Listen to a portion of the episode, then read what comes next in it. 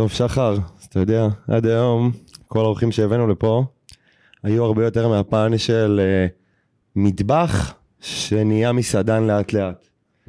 פעם יותר בחרתי להביא, uh, להביא לנו אורח שהוא גם חבר, שהוא גם אח יקר, בראל. Uh, שלדעתי בראל הוא דוגמה קלאסית ליזם צעיר, אתה יודע שגם מתרחב על כמה אופקים.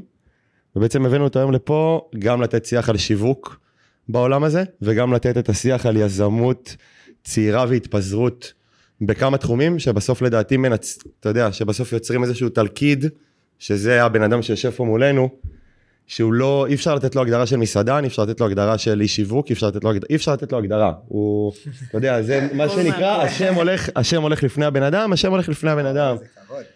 ככה נתחיל את ה... ככה נבחר להתחיל פה את ההצגה, כי מבחינתי זה באמת, ה, אתה יודע, אנחנו באמת מביאים לפה נטו מסעדנים, נטו אנשים שכאילו, אתה יודע, אה, הסיפור זה סביב האוכל.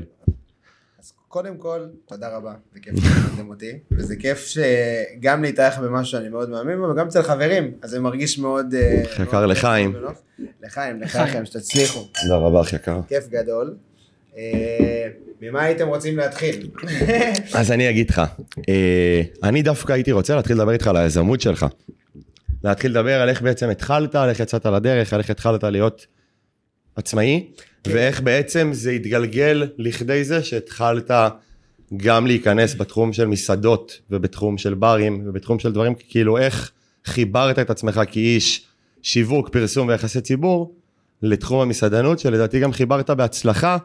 גם אם בסוף מקומות יותר הצליחו, פחות הצליחו מהפן שלך, עשית את זה, בצ... אתה מבין את הכוונה שלי? וזה טיפים שלדעתי אתה יכול מאוד לתת. בעצם תספר לנו מההתחלה בעולם העסקי מי זה בר אלעד. מי זה בר אלעד, כן. אז, אה, אז קודם כל אני חושב שיזמות ו... ויזמים באופן כללי, לדעתי זה איזשהו אופי. אני מאמין שבן אדם יכול לאמן את הדבר הזה, יכול להשתפר בדבר הזה, יכול ללמוד המון, אבל אני די מאמין שבן אדם נולד אם יש לו באיזה אופי של יזם או פחות באופי של שכיר וזה, וזה בסדר גמור כן אין, אין יותר טוב או פחות טוב.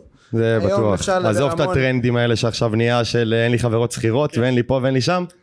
גם אפשר לדבר המון עם עצמאים מרוויח יותר או נהנה יותר אם זה יותר הגשמה עצמית יותר אפשר לדבר המון אבל אני באמת מאמין שיזמות זה הרבה עניין של אופי ואני הרגשתי את אה, שריר היזמות בגיל מאוד מאוד מאוד צעיר.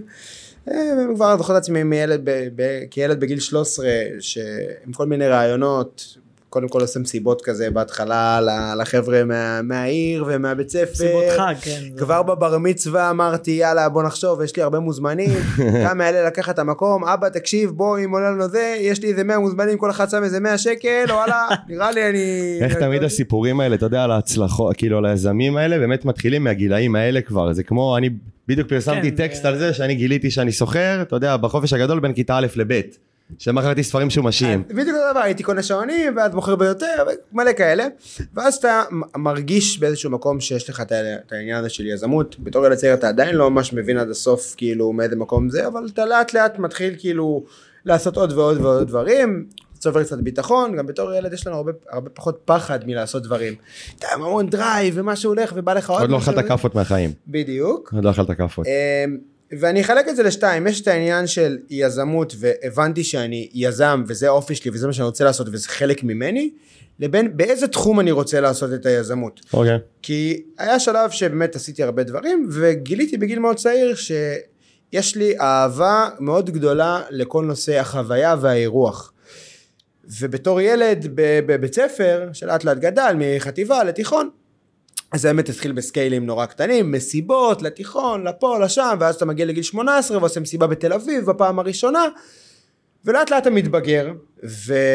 וצובר ניסיון וידע, ומתחיל לדייק את מה אתה רוצה, ואיך החיים הבוגרים שלך אה, אמורים להיראות, ולצד העניין היזמי אתה אומר, אוקיי, מה אני צריך גם להתחיל לעשות מהדבר הזה עסק, אז כן, הייתי עושה כמה דברים במקביל, בין אם זה נשפי סיום ותיירות, אבל אתה לאט לאט מתחיל לזקק את הדבר הזה, מבין שאתה רוצה אה, לגדול עם זה ולהפוך את זה למשהו יותר מקצועי. לתחום הבילוי והפנאי בעצם. בדיוק. אז בגיל, עד גיל איזה 21 פחות או יותר הייתי עושה באמת ליינים, זה היה משהו מאוד מאוד נפוץ. כן, גם ימים אחרים.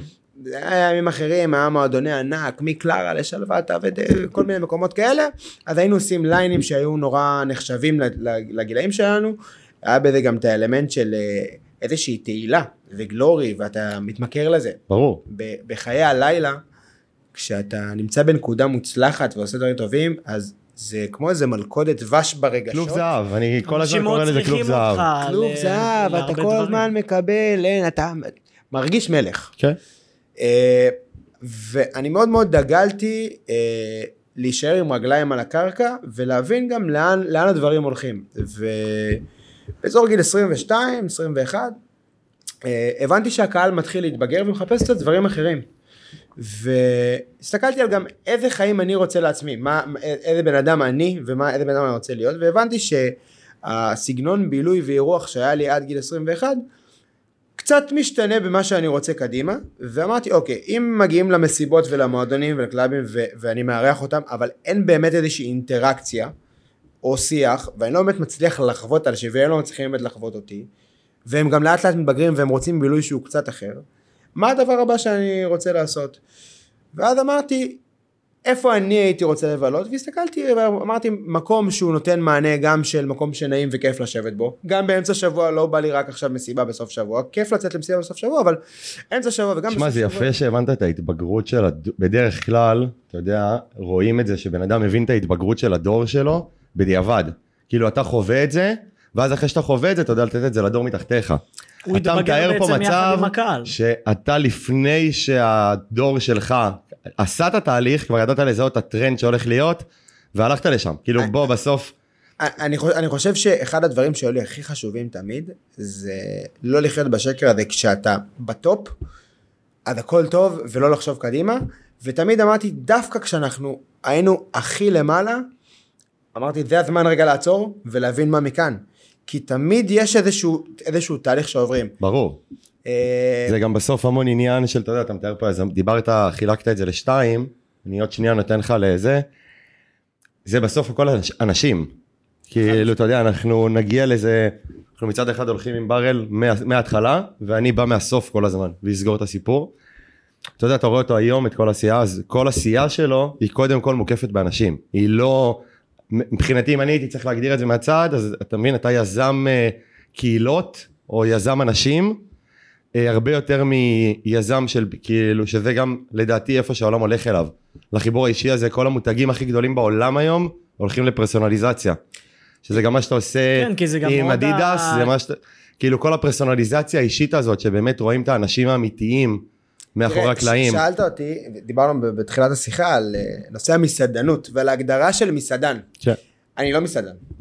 אני... אין לי באמת הבנה יותר מדי גדולה במד... אתה יודע, עם השנים אתה צובר ניסיון ומבין ופודקאסט ופודקאסט ו- ו- ו- ופרודוקטים, אבל לא באתי אף פעם מתוך המקום של מסעדן, ואם היית שואל אותי, מה התכונה הכי טובה שלך בתור יזם? או בכללי, מה התכונה שאתה חושב שהיא התכונה הכי טובה שלך?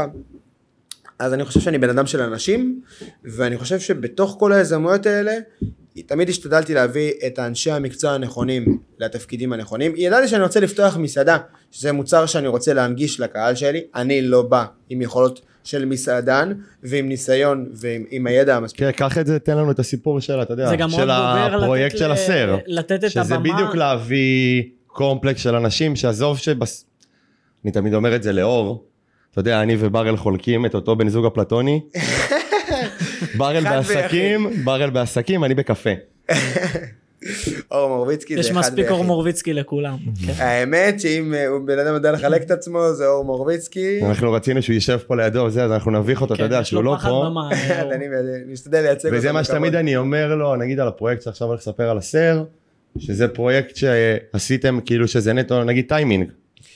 לדעתי, כאילו אז העניין של המלחמה, עם קורונה, עם זה, עם זה, כן, עם פה, עם שם ביחד, זה משהו שבו עסק של, עסק היפסטרי מגניב ביפו, זה נגד כל, תמיד הכוונה שלי בתקופה כזאת. תמיד לא, גם אני, אני בתור ספק, בדיוק על הזמן הזה שאתה מדבר, יש לי הרבה עסקים שאני עובד איתם שהיו באזור הזה של אה, שוק הפשפשים יפו, וכולם חוו אותה. שהם, תקשיב, הם, הם התרסקו. עד היום.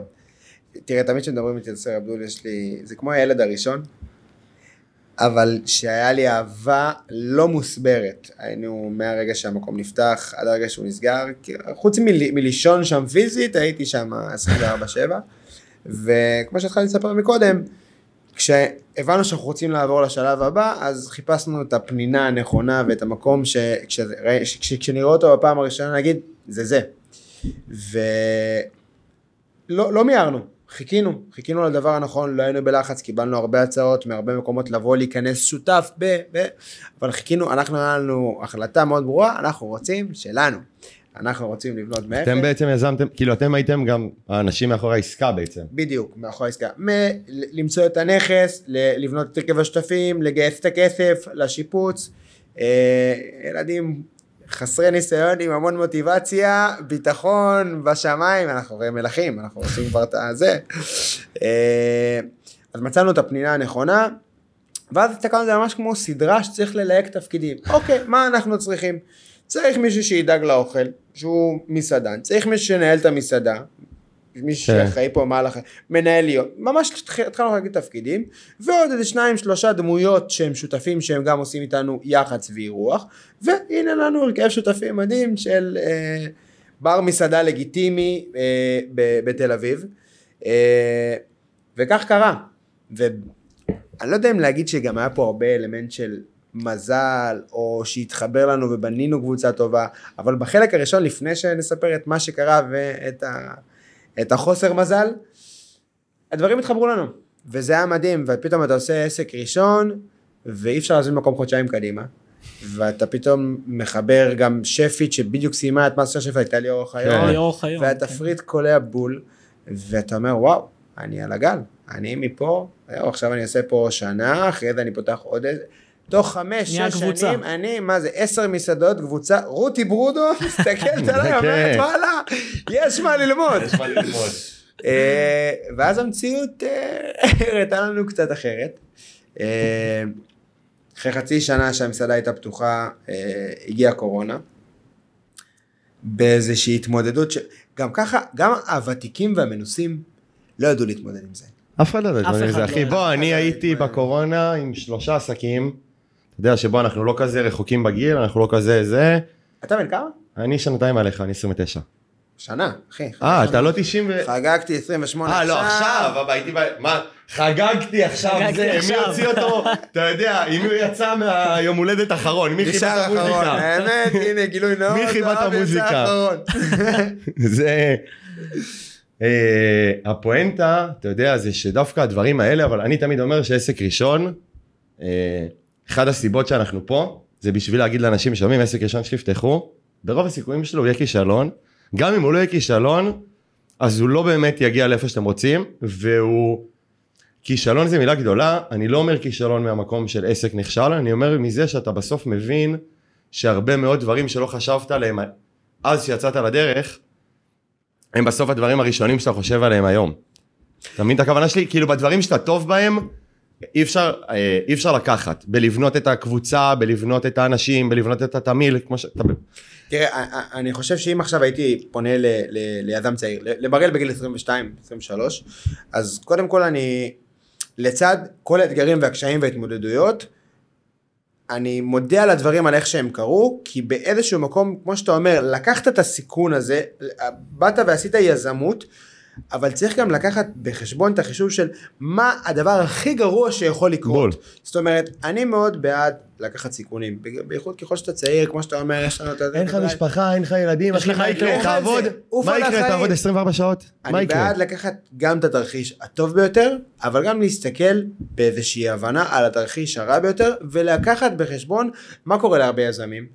הם הולכים על היזמות הראשונה, והם יכולים גם ב- ב- ביזמות הזאת להפסיד הרבה מאוד כסף, ואז זה ימנע מהם הפחד שיהיה להם בגוף מהיזמות הבאה, זה יכול לשתק אותם, ופתאום הולכים לאיזה חיים שהם לא באמת רוצים, להיות שכיר. אז אני אומר, אתה יודע אבל למה, למה זה קורה? זה בדיוק שיחה שהייתה לנו פה עם יונתן. ישבנו פה עם אה, יונתן אלר, אתה מכיר, היה לו את דוכן לח- לחם. והוא בדיוק אמר לנו, הבן שלו כל היום רואה סרטונים, אתה מכיר את פרפקט דוד, האלה שעושים את הזריקות המטורפות ממגרש. הוא אומר, זה הבעיה היום, שילדים רואים שהם זורקים בקליעה אחת מ-40 מטר, הוא הולך פעם אחת לסל שניות בשתי מטר, האחרונות. זורק לסל מחטיא. אז הוא אומר, אין לי מה לעשות אפילו עוד פעם. מציירים לך את הכי טוב. מציירים לך כן. כל הזמן פה את לא, הדימוי. גם לא מראים לך את הדרך. זה. גם בדיוק, בדיוק גם אחד הזה שלנו של הסדרה כמו הטבח נגיד, שלא יודע אם אתה רואה. אין- בר- אני רואה, רואה. כן? מתי יש לך זמן? אפשר רגע לשאול, אתה יודע, אפשר רגע לשים בצד את הפודקאסט ולשאול מתי יש לך זמן לעשות את כל מה שאני, אתה יודע, אתה רואה את הב- את הסטורי של בראל, זה נראה שלושה כאילו ימים, אה, זה נראה של שלושה ימים. וזה בארבע שעות. סבבה? כאילו אין בראל אחד. בן אדם של בראל. הספקים, מה, תוכננתי מגיל מאוד צעיר פשוט להספיק הרבה דברים במעט זמן. אז אני ככה, אגב, כמו, שאתה, כמו שאמרת מקודם, יש- רואים את רק את הטוב, יש גם את האלמנט הרע של הדבר הזה. זאת אומרת, אני בן אדם שמספיק המון, אבל בהרבה סיטואציות אני לא מצליח להיות נוכח ב-100% ברגע, כי הראש שלי הולך לדבר כן. הבא. אז בדיוק מה שאמרת, ואני רגע מתעכב על העניין הזה, של המון פעמים מראים לנו את הטוב. הנה המסעדה הכי עובדת שיש, היא מפור... אבל לא יודעים אם המסעדה מרוויחה. בול. וההפך, מסעדה שיכולה להיות לכאורה לא מפורקת, אבל אולי יש לה מישהו שמנהל אותה כמו שצריך. זאת אומרת, מה שרואים בחוץ, זה לא מה שקורה באמת בפועל, חשוב את זה לזכור. זה אחד הדברים, אתה יודע, זה, זה אחד הסיבות יש שאנחנו לי רק פה. משהו, לחזור אחורה לקורונה, שאמרת אף אחד לא ידע להתמודד עם זה. אני עובד עם, אתה יודע, עם טווח גדול של מסעדות, ואני רואה שהיו אנשים שכן ידעו להתמודד עם זה. הם לא ידעו להתמודד עם הקורונה, אבל הם ידעו להתר... להתמודד עם מצב של תרחיש קיצון, שהם ידעו מה לעשות והיה להם כסף בצד והיה להם תוכנית לאם המקום סגור. כן, אבל זה אנשים הבנת? שכנראה, אני אתן פה רגע את הדגש על זה מהמקום, זה בדיוק ההבדל בין הסיטואציה, נגיד שאני ובראל היינו פה בקורונה, של עסק ראשון בסיטואציה כזאת, לעומת בדיוק. בן אדם שכבר כנראה קיבל את הכאפה הראשונה, שנייה, שלישית שלו מהחיים, זה הניסיון. אז הוא בדיוק. כבר בא בול. אז אני אומר לך שלנו לא היה תוכנית, והיינו חסרי ניסיון. אני חושב שזה דווקא יושב על איזה בן אדם אתה כבן אדם, לאו דווקא חנה באותה תקופה על, על ניסיון, כי יש אנשים שמחכים, ש... אוקיי, אני עכשיו יש פה אירוע, מגה אירוע, אין לי מושג איך להגיב לו, כל העולם בשוק, ויש שתי אופציות, יש אופציה להגיד אוקיי אני מחכה לראות מה יקרה, או לנסות להגיב כל, כל, ב, ב, ב, הכי הרבה שאתה יכול לסיטואציה. ואני חושב שמה שאנחנו עשינו, זה במקום לשבת בבית ולחכות לראות מה יקרה ולהתפלל שיקרה איזשהו נס, זה כל יום ניסינו עוד קצת לצאת מזה, עוד קצת להבין איך מגיבים לזה. ואני חושב שזה משהו שחשוב לקחת, שכשקורה איזה משהו שאתה לא מוכן אליו, וזה יכול לקרות. שלושת האפים, מכיר את שלושת האפים? תלמד אותי. אולי שאתה עכשיו נתקל בסיטואציה ש- שהיא מפתיעה אותך. הגעת עכשיו הביתה, ראית את אשתך עם חבר הכי טוב שלך במיטה. סבבה? יש לך או fight, או freeze, או fly. או לברוח, או לקפוא, או להילחם. ואתה אחי כל הזמן מציג את זה, וזה גם נכון, שניסית להילחם בתוך הסיטואציה. שניסית לשרוד את הסיטואציה ולא ויתרת, ולא ישבת בבית, אתה יודע, ראיתי את זה המון אצל מסעדנים. הכל טוב, יש לי את המענקים, הכל טוב, יש לי את המענקים, הכל טוב, יש לי את המענקים. ובסוף, אחי, אתה יודע, אנשים חילקו מקומות, אחי, בחינם. תחשוב, אני את הטוסטבורגר, לקחתי עסק, אחי, עסק עם רישיון, עם פה, עם שם, עם זה, עם זה, עם זה, פרסמו אותו ב-250 אלף, לקחתי אותו ב-30 אלף שקל. אתה יודע, 30 אלף שקל, אחי, רק המקרר. ו- וכמות המקומות שיש עכשיו בעקבות המלחמה שמוציאים שרק רוצים להיפטר, כן. עזוב אותי, לא, מקומות שיוכלו לקבל 300, 400, 500 אלף שקל, רק תיקח את החוזה שכירות, ו... לא- לא אותי לא מהדבר. הזה. ו... זה- בוא, קודם כל זה תחום קשה. הכי קשה. בואו, אנחנו שנייה קשה. בחרנו בתחום. ברל, אתה זוכר איך מכרתי, לך לבוא לפודקאסט? אמרתי לך, יש פודקאסטים שבאים למכור חלומות, ויש פודקאסטים שבאים לנפץ חלומות. אני- אני, המטרה שלי פה היא לגרום לכמה שפחות אנשים בטווח גילאים שלנו, לבחור שהיזמות הראשונה שלהם תהיה מסעדנות. אז אני רוצה... יש לך כל כך הרבה תחומים, אתה יודע, אחי, לך תפתח חנות מגני טלפון ב-50 אלף שקל, תלמד קודם כל איך עובדים עם מע"מ, עם מס הכנסה, עם... אתה מבין? אני לא מדבר עליי, אני מדבר איתך, תלמד. תלמד מה זה המדינה, כי אף אחד לא מלמד אותך הרי את כל הדברים האלה, אין פה אינטרס לאף אחד. תלמד את זה קודם, אני לפני רוצה שאתה... לשתף אתכם ב... בסטורי שהעליתי לפני שבוע וחצי. אה, אני- אתה נראה לי שהגבת לי עליו, שבעצם בסטורי הזה אני משתף שאנחנו סוגרים את המסעדה שפתחנו לפני את העולה. קצת פחות העולה. שנים את העולה, מסעדת שף. אה, סיפור קצר על איך זה, איך, איך היא נולדה. לפני שלוש, ו, שלוש שנים וקצת, אה, אורן אסידו יצא מהאח הגדול, בדיוק יצא מהפופה, יושב עם חבר טוב שלימים הפך להיות שותף שלנו במסעדה, אומר לי, תקשיב, יש לי חבר תותח, יצא מהאח הגדול, יש עליו אייפ של החיים, הוא שף תותח, בדיוק סלינה נכנסו לארץ, פתחו, נכנסו בכל תרועה, פתחו את המקום שלהם בנווה צדק, איכשהו כל הכוכבים התחברו והראו, הנה, בדיוק אני בא להגיד שכאילו, זה. באמת העניין אבל של הלדעת, אתה יודע, אה, להרבה מאוד אנשים בחיים יש את הקטע הזה של שמלא נקודות יכולות להסתדר להם, אבל לא כולם יודעים לראות את זה. מבין, אתה פה בסיפורים וגם בהיכרות האישית שלי איתך, אני מאוד יודע שאתה יודע לראות את הנקודות שאתה יכול לחבר אותן מראש, אתה יודע גם, אתה מבין, אחי, להבין, להביא את העסקאות האלה, את הסלינה, את אורן, את כל זה, לבוא ולעשות את זה ממקום שאתה לא המסעדן הקלאסי, ושאתה עושה את זה בתור ביזנס, אתה מבין? בגלל זה אני חושב שיש פה הרבה יותר עניין של יזמות מאשר מסעדה. כן, אתה בול. לא בא מאהבה לאוכל, אחי, אתה אתה בא מפן בתור, כלכלי. אתה מבחינתי פה כרגע בתור יזם קולינרי. תראה, לכאורה, יכול להיות, שאם אני אסתכל רגע אחורה, וזו מחשבה שעכשיו עולה לי אגב, יכול להיות שהיה יותר נכון לי בדיעבד, לבוא ולהיות יזם שמחבר בין דברים, ו... כן. אבל היה לי פשן מאוד גדול, ונגעת בנקודות, לאירוח, בול. ולחוויה, ולאנשים, וכן, גם אתה מגיל מאוד קטן, התרגלתי לתהילה הזאת, ו- ו- וזה שיש לך את המקום הכי טוב, ואת הכי חזק, והכי זה, וזה ממכר. זה בסדר, יש אנשים שחיים, אני גם כזה, אני כל הזמן אומר שעכשיו בתקופה הזאת שאין לי כלום, אתה יודע, אני כבר, אני שבוע הבא שנה סגור.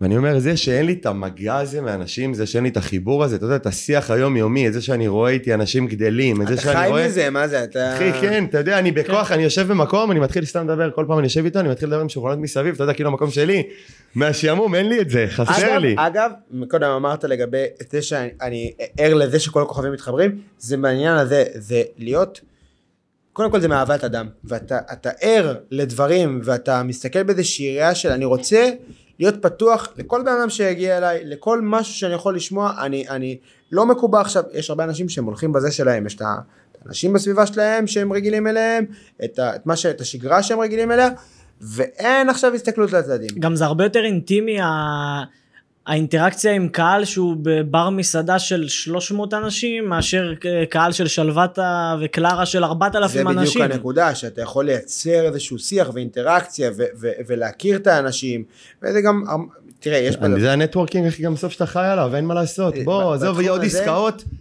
זה גם, בוא, גם לא רק במסעדנות, אחי, בכל עסקה שאתה עושה, אני יכול להעיד את זה על עצמי לפחות. אתה יודע, בוא, פה הפרק הראשון היה הקלטה עם אה, ברנרדו, שבאמצע הפרק, עזוב שבסוף זה לא קורה, אבל אמצע הפרק הציע לי לפתוח מחדש את הבית של הצו. אתה מבין אה, זה עכשיו לא זה? קורה? לא, פוצץ. זה סיפור ארוך. הנה פה בלייב בשידור, פוצץ. אה, סיפור ארוך, אספר לך אחרי זה. שברנו הרבה לבבות. כן, אתה לא יודע, היה פה... אחי, תזכיר לי אחרי זה להראות לך את הנתונים של הפוסט של הקאמבק, של הצו, אתה תהיה בהלם. בדיוק טוב, אתמול חבר לי. אתה יודע, זה נתונים של OnlyFans. קיצר, אה, וזה מה שאתה אומר, רגליים של צו. שבסוף ה networking הזה, זה משהו שגם אנשים, זה גם מה שכאילו אני מאוד רוצה להעביר לחבר'ה הצעירים, כולם חושבים שהם יכולים לבד. אתה יודע, אתה גם רואה את זה אצל הדור מעלינו, שהם מאוד כל אחד מאמין בזה שהוא בעצמו וכל השאר יריבים שלו. אנחנו קצת דור אחר. נכון. כולם עובדים ביחד, כולם חברים אחד של השני, כולם מאוד עוזרים אחד לשני, כאילו אין את העניין הזה, ובסוף זה גם הנטו, זה מה שנהיה פה במדינה, זה מה שאני מאחל שהדור מתחת, אתה יודע, שעוד עשר שנים, שנהיה במקום, שנראה את הדור מתחתנו, עוד יותר עושה את זה. ועוד יותר משתף פעולה ויוצר, כי אז בסוף, אתה יודע, הקהילתיות הזאת, שבדיוק אמרתי שאתה, אתה יזם קהילות, אחי, זה ההגדרה, אתה יודע, חש... דיברתי בדרך עם חגי, חגי התקשר אליי, חגי זה חבר. משותף, כן, חבר משותף שלי ושל בראל, אז אמרתי לו, אתה יודע, כאילו, אני לא יודע איך להציג את, אני אומר בראש, איך אני מציג את, בתור מה אני מציג את בראל? מדברים, מדברים, מדברים, אז אמרתי לו, אתה יודע, זה באמת, כאילו, אין לי דרך יותר טובה להגדיר את הבן אדם מיזם לא. הוא יזם, כן, אין ספק. זה- עוד לא נגענו פה, אתה יודע, אנחנו כל- הזמן על ה... עכשיו נסיים על העולה, ואז אנחנו נעבור קצת בשביל להבין, אתה יודע, סבבה, מסעדנות, מסעדנות, מסעדנות, אבל בסוף כל הנקודות וכל החיבורים שאנחנו מדברים עליהם שקורים פה, קורים בגלל כל שאר העיסוקים מסביב גם, שאתה עושה, שמתחברים, תראה, יש פה איזה משהו שהוא, שהשלם גדול מסך כל החלקים שלו, ו, וכמו שאמרת, בסוף דרך העסקים האלה, אחד הדברים הכי, הרווחים הכי גדולים שיש, זה באמת הקשרים והאנשים, והיכולת, שוב, זה גם תלוי מאוד באופי שלך, עד כמה אתה יודע למנף את זה, יש גם בעל עסק, מסעדן, שיכול לא להתייחס לאף לקוח שמגיע אליו, וזה לא יעניין אותו, זה אפילו נהיה טרנד. שההזדמנות העסקית הכי טובה שלו ישבה בשולחן שמונה, והוא בכלל לא ניגש אליה, כי זה לא... זה אפילו נהיה טרנד הדבר הזה שאתה מדבר אני עליו. וגומל. מה? אמיתי? כן. תחשוב, כן, אני זה היום לא אחד יודע החברים- איפה תפגוש את ה- כן. את ההזדמנות הבאה שלך או את הבן אדם או שאתה החבר הכי טוב שלך או את הבת חבר זוג אחי, שלך. כן. בוא, חבר. גם אני ומורביצקי, וגם אני ויש לי חבר מאוד טוב, הוא אומר, וואלה, לקוח שלי בצו. אתה יודע, בא, היה יושב כל הזמן, היה מעיר לי על מנות, מעיר לי על פה, מעיר לי על שם. שפעם אחת אמרתי לו, אני עכשיו יושב איתך, אתה מסביר לי למה אתה מזיין לי את המוח כל היום. מה אתה, רוצ- מה אתה רוצה? אתה יודע, עכשיו נתחיל לדבר אחי, מפה לשם עכשיו אני כאילו, אתה יודע, עזוב שהוא חבר אחד הטובים שלי, עכשיו אנחנו גם עושים עסקים ביחד, ועכשיו אתה גם, אנחנו, אתה יודע, שגדלנו זה היה לא לעשות עסקים עם חברים, היום אני, זה כבר מאוד קשה להגיד משפטים כאלה. כי בסוף היום יום שלנו הוא ברובו בעבודה. ברור. אז אתה אומר וואלה אם כבר היום יום שלי הוא ברובו בעבודה ואנחנו חיים פה במציאות שצריך לעבוד קשה ולהביא כסף ומתוך 24 שעות 15-16 שעות אתה בעבודה ואם אתה, אם אתה עצמאי אז בשאר הזמן שאתה לא בעבודה אתה חושב על העבודה. העבודה. כן, לגמרי. אה, אז אתה אומר אם כבר לפחות שזה יהיה עם אנשים שכיף לי איתם ובאיזה סביבת עבודה כיפית ו... אז בגלל זה אני כן מסכים איתך אתה וגם מנסה גם לשלב אה, שכאילו הסביבת עבודה שלך תהיה גם חברים. זה מה בדיוק, שקורה הרבה היום. בדיוק, אתה רוצה שהיום שלך יהיה מלא, אני מאמין שרוב האנשים רוצים שהיום שלהם יהיה מלא באנשים שכיף להם איתם ו- והם אוהבים אותם. ו- ו- שזה בדיוק, בוא, בדור של ההורים שלנו, מאמין, כאילו, אתה יודע, אני, אבא שלי, תמיד היה אומר לי, כאילו, אין דבר, כאילו, אתה לא אמור לאהוב את הבן אדם הצד השני של החדר, להפך. הוא אמור להשלים אותך, אתה לא אמור להסתדר איתו, זה בן אדם שאתה לא אמור להצליח לשבת איתו לכוס יש קפה. משפט של ההורים שלנו, של הדור של הקודם, הדור שאומר הקודם. שאם אלוהים היה רוצה, אם אה, שותף זה היה היה דבר טוב, טוב, גם לאלוהים גם היה לאלוהים אחד. היה. היום זה מבוטל לדעתי, היום זה כבר לא- פועל מאוד אחרת, כי גם אנחנו אנשים אבל שרוצים להתעסק בכמה דברים. אתה מבין? אתה רוצה נכון. שיהיה לך גם לה, להכיל את עצמך באירוח, גם להכיל את עצמך ביזמות עסקית, גם להכיל את עצמך בפרסום ושיווק, גם להכיל את עצמך, כאילו כל כך הרבה דברים. תראה, אם אנחנו, אני אנסה שוב כל פעם להחזיר רגע גם לתחום עיסוק שאנחנו מדברים עליו, בסוף גם אין באמת יכולת, אלא אם יש פה איזשהו עסק שהוא באמת יוצא דופן. ברוב העסקים, כ- כמסעדן, לה- להתפרנס רק מזה, באיזשהו לייפסטייל גבוה שאתה רוצה. שוב, כן. הכל, הכל זה ביחס לאיזה חיים אתה רוצה. אם אתה עכשיו רווק, שמרוויח מהמסעדה שלך אה, 20 אלף שקל בחודש וחי ב- ב- ב- בפריפריה ואין לך הרבה הוצאות, אז אתה יכול לחיות מזה. ברור. אבל אם אתה עכשיו חי בתל אביב עם משפחה, שלושה ילדים, והמסעדה שלך עושה איקס כסף בחודש, אתה חייב לעשות עוד משהו, כי אין לך באמת ברירה, ואז כמו שאתה אומר, אתה מבין שבשביל לגדול, אתה חייב שותפים. אתה חייב שיתופי פעולה, כן. וחייב לעשות את זה עם עוד אנשים, כי אחד, שותף טוב בעיניים שלי זה שאחד ועוד אחד שווה שלוש. אם אחד ועוד אחד שווה שתיים, אז אולי באמת עדיף שהיית עושה כן, את זה אין פה. שום ערך מוסף. זה- זה כמו עובד, שאין מה להביא עובד, אם הוא לא ש- אם הוא לא מכניס לך פי שלוש מכמה שעולה לך. זה אותו נכון. דבר, אותו דבר בשותף. אז בוא אני אחזיר אותנו רגע לעולה, כי זה גם לי היה רגע עצוב. אה, כי באמת, תשמע, אני אכלתי בעולה בחודש של הפתיחה, גם אתה, גם מאיה, גם, אתה יודע, היה לי כל כך הרבה סיבות לבוא לשם אז, וכיף. ואז פתאום אתה רואה את זה ואתה אומר, ב- כאילו באסה. אז אם אנחנו מדברים על מאחורי הקלעים של, כן. אה, בוא נשתף בהכל. בוא לא אחי. להראות. אני, אני מאוד דוגל, ב, גם זה בפוסט שהעליתי על, אה, של- שהמסעדה נסגרת, השתדלתי להראות לאנשים את החלק הרע, את החלק הפחות יפה. לא רע, את החלק הפחות יפה ואת הקושי ואת הדברים שלא כיף ולא מגניב להראות באינסטגרם. אה, פתחנו את העולה לפני שלוש שנים, אחרי שכל הכוכבים התחברו, ומשם זה הלך הפוך. לא הסתחבר לנו, השיפוץ היה יותר יקר ממה שתכננו, לא היינו מוכנים בזמן, הכל הלך קשה, בדיוק התחיל, היה איזה, איזה אירוע ביטחוני בדיוק איך שפתחנו. היינו בטוחים שאנחנו נפתח ובהליכת ירח נגיע למחזורים ש, שתכננו. המקום עבד יפה, אבל לא הגענו למספרים שרצינו. ואז אתה אומר, רגע, איך זה הגיוני? אני כבר פתחתי, היה לי צר אבדול, היה תור בדלת, סבבה, אז צר אבדול סגרנו, חוסר מזל. שאני, כאילו, אגב, אני באמת חושב שזה חוסר מזל, כן? אבל... אחי, אני, כשאני אמרתי את זה, לא עשיתי את המרכאות. כי באמת, אנחנו גם אמרנו כי אני לא חושב- אמרנו בפרק הקודם שגם אם אתה עובר את כל התהליך של להיות שוטף כלים ומנהל מטבח והכל באמת, בסופו של דבר אתה צריך גם את המזל הזה. אין פה, יש זה דברים לא... שלא תלויים בנו, אני יכול לתת לכם שתי דוגמאות. דוגמה ראשונה זה דוגמה של חוסר מזל, שזה סר אבדול, שהגיע לנו אחרי הקורונה והרמנו את הראש מעל המים, בום, הגיע שומר חומות, יפו הפכה לבית קברות, אין בן אדם, ולא משנה כן. כמה אתה טוב, אתה לא תעבוד. לעומת זאת, דוגמה למזל, זה עסקים בנחלת בנימין, שפתאום אחרי תקופה של נחלת בנימין היה רחוב של בדים, ולא היה איזה אזור מטורף, והעסקים שם דשדשו, אני לא יודע אם אתם זוכרים את זה, פתאום הוא הפך למדרחוב. אחי, אני שלקחתי את הטוסט. כל עסק זה... נהיה שם עזוב, אני שלקחתי את הטוסט. באלנבי, היה לי את הטוסטבורגר באלנבי. הציעו לי מקום בנחלת בנימין ואמרתי, מי ילך פה? כן, זה היה מקום ואתה יחסית יודע, זה. בול. כן. וזה בדיוק, תשמע, זה אותו דבר גם לדעתי, אפילו גם על ההימור של, ה- כאילו גם על העולה. שבסוף, אתה יודע, אה, עוד שנתיים, שכבר הפארק המסילה באמת יהיה זה, זה הלוקיישן הכי חם בארץ. חד משמעית, אני מסכים, וגם פה נכנס אלמנט של ניסיון, ואני, ואני אסביר למה. כי היום בראל של גיל 28, היה אומר לבראל של גיל 23, אתה חי במדינה שיש פה הרבה אירועים ביטחוניים, כן. וזה מצב מאוד נפיץ, והייתי ממליץ לך, עם כל הכאב שאני אומר את זה, לא ללכת לאזור שהוא אזור יותר נפיץ בתפיסה, ש, בתפיסה עליו, מאשר לאזור שהוא יותר מרגיש לאנשים. אגב, חשוב לומר משהו, יפו, אזור מדהים, ואזור, כאילו, כן, אבל אנחנו יכולים להבין, אנחנו... להבין את התפיסה של את אנשים. הפחד של אנשים. עזוב, זה גם לא, אני אומר לך על עצמי אפילו, שאני מסתפר ביפו, אתמול הסתפרתי אחי, ואני מוצא את עצמי חוצה מעבר, אה, מעבר חצייה, וזה, אתה יודע, קורלה, אתה יודע, בולמת עליי בשנייה האחרונה, ואתה אומר, כבר איזה מחשבות רצו לי בראש, כן. ואני הבן אדם האחרון שרצות לו מחשבות כאלה בראש. אין מה לעשות אחי, אנחנו בני אדם. נכון, במדינה כמו שלנו קשה לברוח מזה גם, זה נכון, לא, נכון. אין מה לעשות. אני אבל דווקא רוצה, בשביל, אה, לפני שנלך נטו ליזמות, אז דיברנו עד עכשיו רק על אה, רע ורע ורע, והשנה עשית מהלך אה, לדעתי פגזי עם הקונקטו. קונטנט. קונטנטו, קונטנטו. אני יש לי בעיה של זה דיקציה, בסדר, זה לא, בסדר. אם תשמע אותי בשיחת כדורגל, בראל אוהד, אה, אם תשמע, בראל אוהד הפועל פתח תקווה. אה, הפועל פתח תקווה. בראל נאמן, אני רומנטיקן. וואו, הפועל לא- פתח תקווה זה הכי רומנטיקן לא. בראל נאמן. זה- בדיוק ראיתי כרטיס יום שבת של המשחק באשדוד בי"א, תחזיקו לנו אצבעות. אתה מבין? אז אני, יש לי, נגיד שאני מדבר על כדורגל, אם אתה תשמע אותי אומר שמות של שחקנים, אחי, אתה פיפ, כאילו כמו ילד בן שלוש, אין, לא עשו לי הכי קלינאי תקשורת שהייתי ילד, לא עשו. יש דברים, הדיקציה שלי על הפנים. גם אפרופו יזם קהילות אבל, חייב לתת מילה טובה למלאכים של ערן. זה מה שאני רוצה להגיע אליו אחרי ה...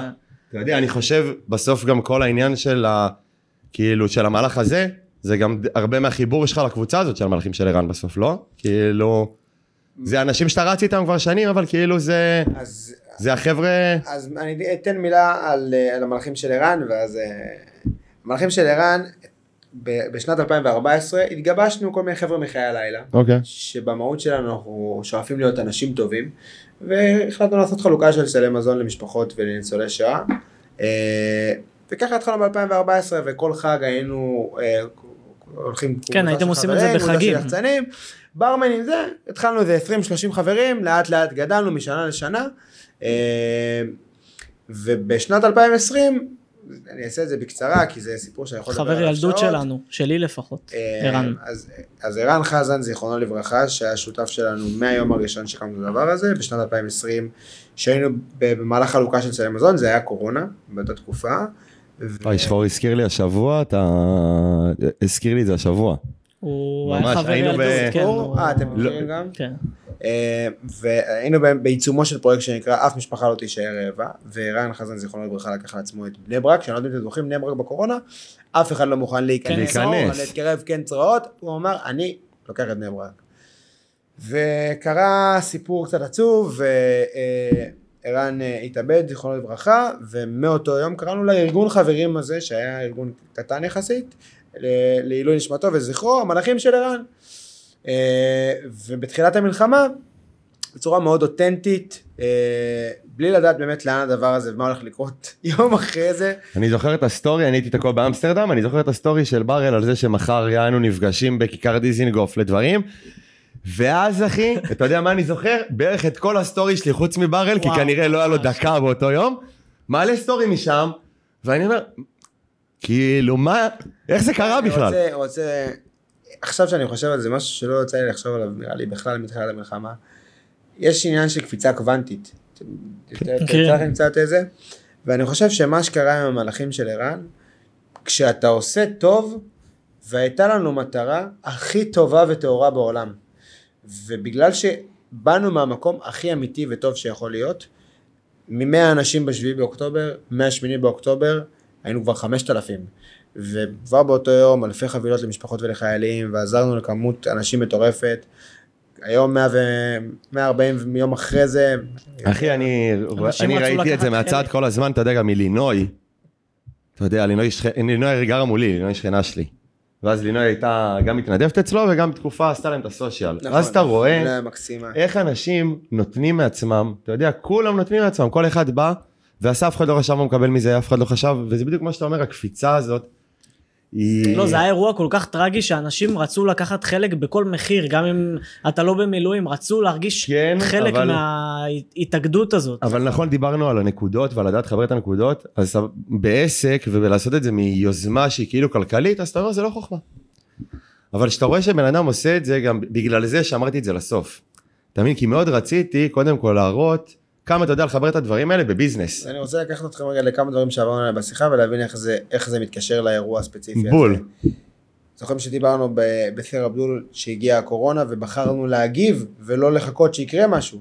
אז בשביעי באוקטובר כשכל המדינה בקרייסס הייתה לנו אופציה להגיד אוקיי אני לא יוצא מהבית יש מחבלים בחוץ אמורים לפתוח כאילו זה הייתה האווירה. זה הייתה האווירה. כן. ואנחנו אמרנו אנחנו בוחרים להגיב ואז גם הצלחנו לסחוף אחרינו ולרתום אנשים ביחד איתנו.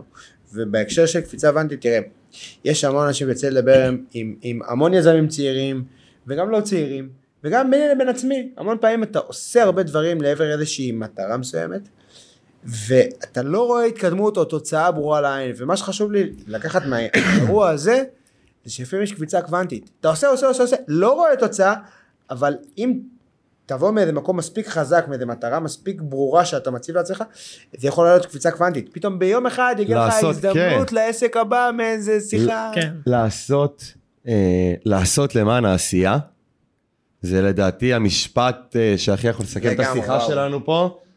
אתה יודע, ושאם אתה מבין את זה שעושים למען עשייה, ולא למען מטרה, ולא למען כסף, ולא למען טטטי, ולא למען כל הדברים האלה, כל השאר כבר קורה לבד.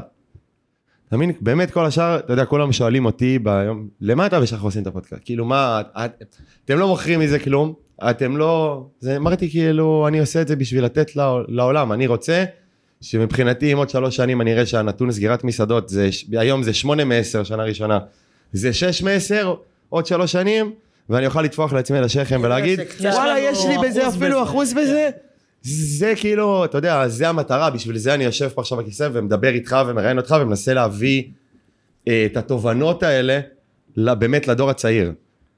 אה, יש לי איזה מילה קטנה גם דרך אגב לגבי ה...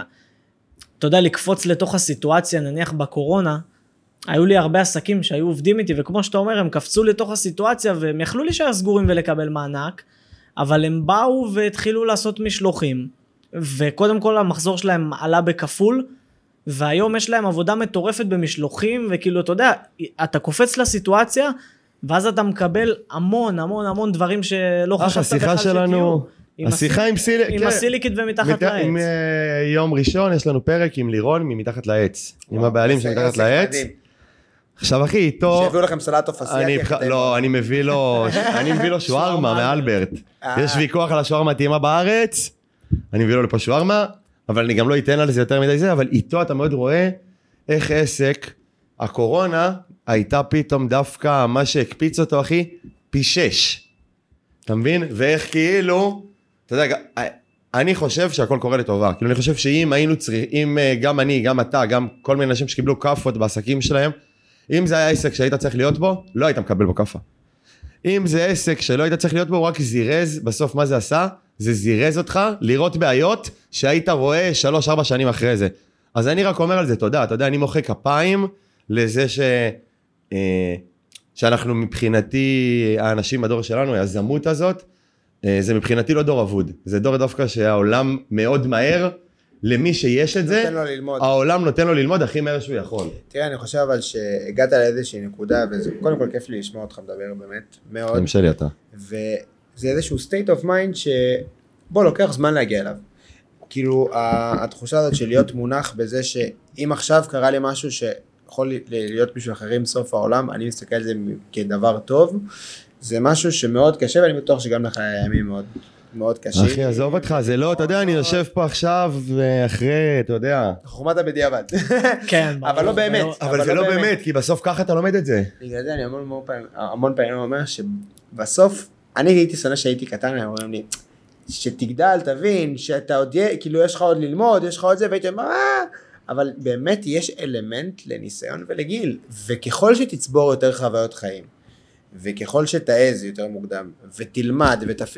אתה תגיע לשלבים המתקדמים יותר, עם, עם תובנות ועם השיחות הפנימיות האלה של גיל 28 לגיל 23, וכאילו להבין מה מכאן עושים בוא יותר ניגע טוב. רגע אז אולי בנקודה דווקא על מה שאתה מדבר שאני ואוהב דיברנו עליה של בוא תיתן לנו ולקהל איזשהו טיפ ותובנה שלקחת מהסר אבדול והבאת אותו לעולה ולקונטנטו מזל שאתה אמרת את זה, אני עוד פעם הייתי אומר קונקטו, שתדע. לא, לי יש דיקציה טובה אה, אני חושב ששתי תובנות שלקחתי מסר אבדול ומעולב ואני מיישם אותם בקונטנטו, זה ש...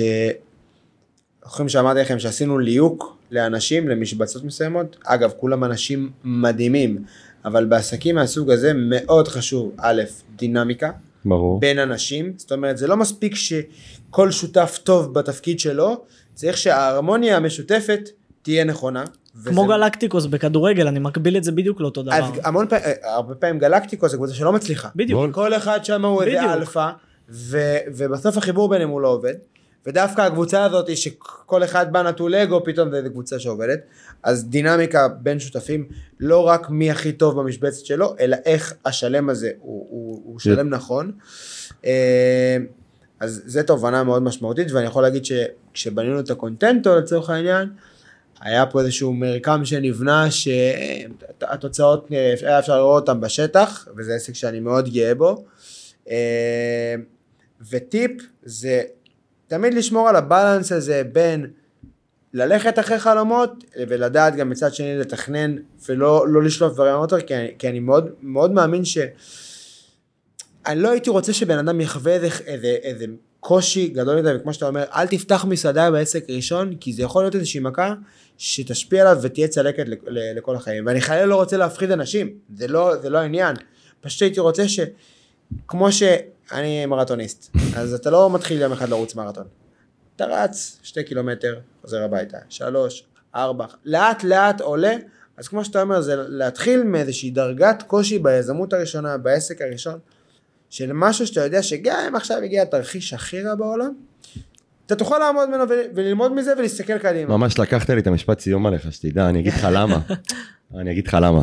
יצא לי, אתה יודע, אה, אני בתור אוהב, תמיד אה, מרצה לכל העולם על דרך ארוכה ודרך ארוכה ודרך ארוכה ודרך ארוכה. בפועל אני בן אדם הכי חסר סבלנות שתכיר בחיים. אני, אתה יודע, בתהליכים, בדברים גדולים, סבבה, אני יודע, ל... אני יודע לזרום עם זה, אבל בחיים האישיים שלי, אתה רוצה... אני רוצה כאן ועכשיו. כאן ועכשיו ובדיוק המרתון זה משהו שרץ לי, אתה יודע, כל השבוע, אה, תמיד אנחנו מאפיינים בראש, אני עושה תחקירים, אני עושה פה, אני עושה שם.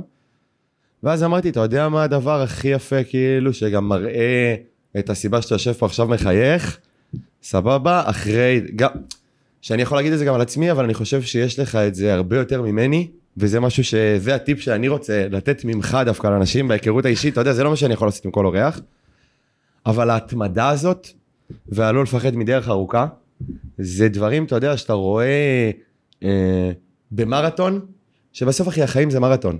לגמרי. ומי שמבין את זה, גם בסוף יגיע לנקודת, אתה יודע, בסוף הדרך זה משהו, אתה יודע, זה לא העניין של התוצאה ולא העניין של הפה, זה העניין של סיימת מרתון. אתה יודע מה, מה הטיפ הכי, הכי גדול שאני נותן לאנשים שרוצים לרוץ מרתון? תזכור שהיום של המרוץ זה הבונוס. כל הדרך, העבודה, האימונים, ההשקעה, אז, אז מה שחשוב לי להגיד בדבר הזה, זה חשוב גם ליהנות מכל הקושי הזה, וזה קשה, זה ליהנות לא פשוט. המון פעמים שיש אתגרים וזה, אתה אומר, וואלה, למה זה מגיע לי? אבל הדבר הכי חשוב, היום יום, הקשיים האלה, זה החיים. אם נבחר להיות בהנאה ובהסתכלות ובהתבוננות של איך, איך אני צומח מזה, איך אני גודל מזה, אנחנו א' נהנה יותר, ואין איזה יום אחד שנגיע, כשהמסעדה שלי תעשה מחזור של 2 מיליון, אז אתה תרצה עוד, אתה תרצה לפתוח עוד מסעדה, או שאם היא תפסיד חס וחלילה, אז כן. תמיד יש את היום שאחרי, ובשנייה שאתה אתה מבין את זה, א' זה משחרר. לחיות כאן ועכשיו. כן, אתה, אתה גם ליהנות מהדרך, לא רק לחיות כאן ועכשיו. הדרך כן, בסופו לא, של לא, דבר, בעיקר ליהנות זה- מהדרך. מה שבארל אומר זה בעיקר ליהנות כאילו, מהדרך. תמיד להיות באיזושהי הסתכלות קדימה, אבל גם ליהנות מהכאן ועכשיו. כן, אבל זה בדיוק מה שאתה אומר, זה זה שהרבה פעמים אנשים כל כך חיים, הם פותחים, ביום שהם פותחים, הם כבר חיים את ה... הם רוצים לעשות שתי מיליון מחזור, הם כבר חיים את השתי מיליון מחזור, אתה יודע, והם לא מבינים שהם לא יגיעו בחיים לשתי מיליון מחזור, אם הם יחיו כאילו הם עושים עם שתי מיליון מחזור. הם צריכים לחיות כאילו הם מפסיד, כאילו, אתה יודע, זה כמו שאמרת, שדווקא כשהייתם במקום הכי גבוה ביח"צ, מינפת את זה בשביל לצאת לתחום חדש, ולא חיכית שירד בשביל... כדי לצאת לתחום אחר. כן. בדיוק. שזה, אני אתן פה כמה נקודות. אה, זה אבוקדו. חברים, שחר, פתחת לנו. פה, הבאת זה. בקיצור, זה באמת העניין הזה של... אה, שבא לי להגיד לחבר'ה צעירים, וזה לדעתי משפט שתסכימו איתי עליו פה בשולחן, שיש הבדל מאוד גדול אה, בין פנטזיה לבין חלום. פנטזיה זה משהו שאתה יודע שיש לך אותו בראש, אתה לא צריך להגשים אותו. כנראה שאם גם תנסה להגשים אותו, אז אתה תקבל הרבה יותר כאפות, וגם כאפות שלאו דווקא אתה באמת צריך לקבל אותם בחיים. להגשים חלום זה משהו שלא באמת משנה אם בסוף תגשים אותו או לא, אבל הדרך הזאת היא הסיפוק שיהיה לך בחיים. אה, וזה בדיוק המרתון, זה בדיוק הלפתוח מסעדה, זה בדיוק כל הדברים האלה, ואתה יודע, כיף, אה, דבר ראשון, אתה יודע, אה, אנחנו אומרים את זה, אבל זה מאוד שונה, כי פה אה, דווקא אני מעניין אותי לעשות עם בראל עוד פרק, אוקיי. שייפתח עוד פעם קיץ, סבבה? שהוא יהיה, שהוא יהיה בשיא ה- בשיא העונה שלו. כן. כן, ולבוא ולהגיד שכיף לראות שיש אה, יזמים צעירים שבאמת הולכים, עושים, וגם, אתה יודע, מחפשים לשתף בדברים שלהם, ומחפשים, ואני אומר לך מהצד רגע, שכיף מאוד לראות שאתה משתף ברשתות וכל הדברים האלה, גם את הדברים הפחות מחייכים, גם את הדברים הפחות, זה שאתה מראה את האמת, מעריך אותך על זה ברמות, שתדע. גם הקהל שלך נראה לי מעריך את זה שאתה מראה לו גם את הדברים הפחות טובים, כיום אין הרבה כאלה. אני חושב שאני מאוד דוגל בלנצל את הפלטפורמות הקיימות ל... לעשות טוב, בחלקת אלוהים הקטנה שלי, לנסות טיפה לעורר השראה, טיפה, טיפה לתת לאחרים, לא, לא אומר שאני איזה, איזה משהו מטורף, אבל אם אני אצליח לעזור ולגעת ולתת למישהו, אז זה, זה מתנה שקיבלתי, אה, ואיזה כיף איתכם כפרה עליכם. חיים שלי, אתה בראל. אני אוהב אתכם המון.